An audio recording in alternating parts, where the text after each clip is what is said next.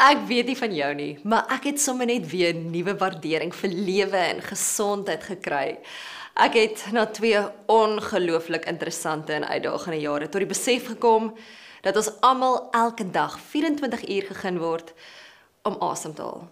En dat mens jou prentjie met grys potlode kan inkleer wat seker maar fyn is, of jy kan vyf kleure in jou boksie gebruik om die prentjie so 'n bietjie meer kleur te gee, of jy kan al 27 kleure uitdruk en jou prentjie vol kleur inkleer elke dag net omdat jy kan. En ek het op 'n plek in my lewe gekom waar ek elke dag kies om my prentjie veelkleurig te maak. Nou dit klink miskien na wensdenkery om met hierdie idee te lewe en elke dag so vol kleur kan great wees. Net omdat jy dit kies, maar ek het 'n reuse besluit geneem. En 'n paar beginsels in plek gestel. Nie omdat dit 'n quick fix is nie, maar omdat ek weet, een God is nie 'n aanhouer van persoon nie. En as hy die beloftes gemaak het en deurgekom het vir iemand anders wat hom vertrou het, sal hy dit ook vir my doen. En 2. God self het beginsels in plek gesit. Hy besef dat elke aksie het 'n reaksie. En wanneer hy vir my sê, daar's krag in woorde en geloof, dan kan ek hom glo. Nou, ek weet ons lees veral in Genesis en Eksodus dat altare opgerig word deur Abraham en Isak en Jakob en deur Moses. En na die Tifoni word die altaar van die brandoffer en die reukofferaltaar dan nou genoem.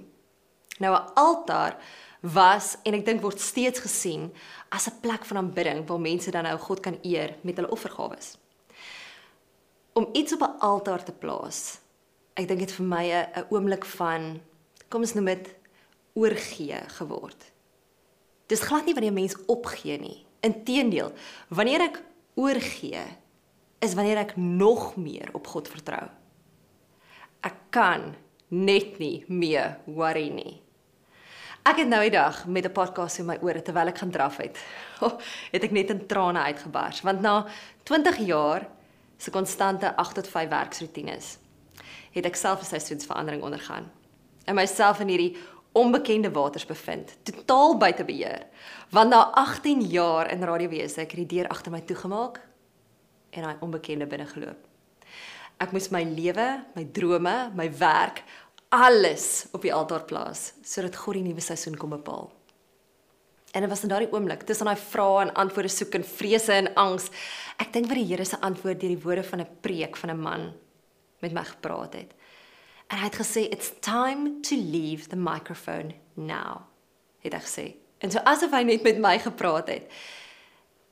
En toe neem hy dit verder en hy sê leave the microphone in God's hand now and allow him to speak over your life because he is the only one who knows everything and the one who can see your future. Ek wil nie vandag vir jou nog 'n mooi motiverende boodskap gee nie.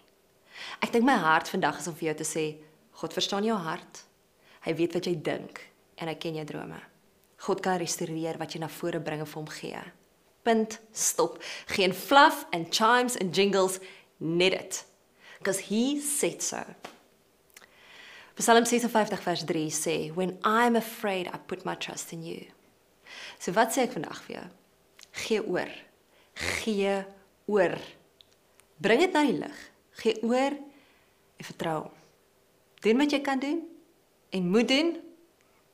Maar gee dit in sy gees en in jou gees oor aan God.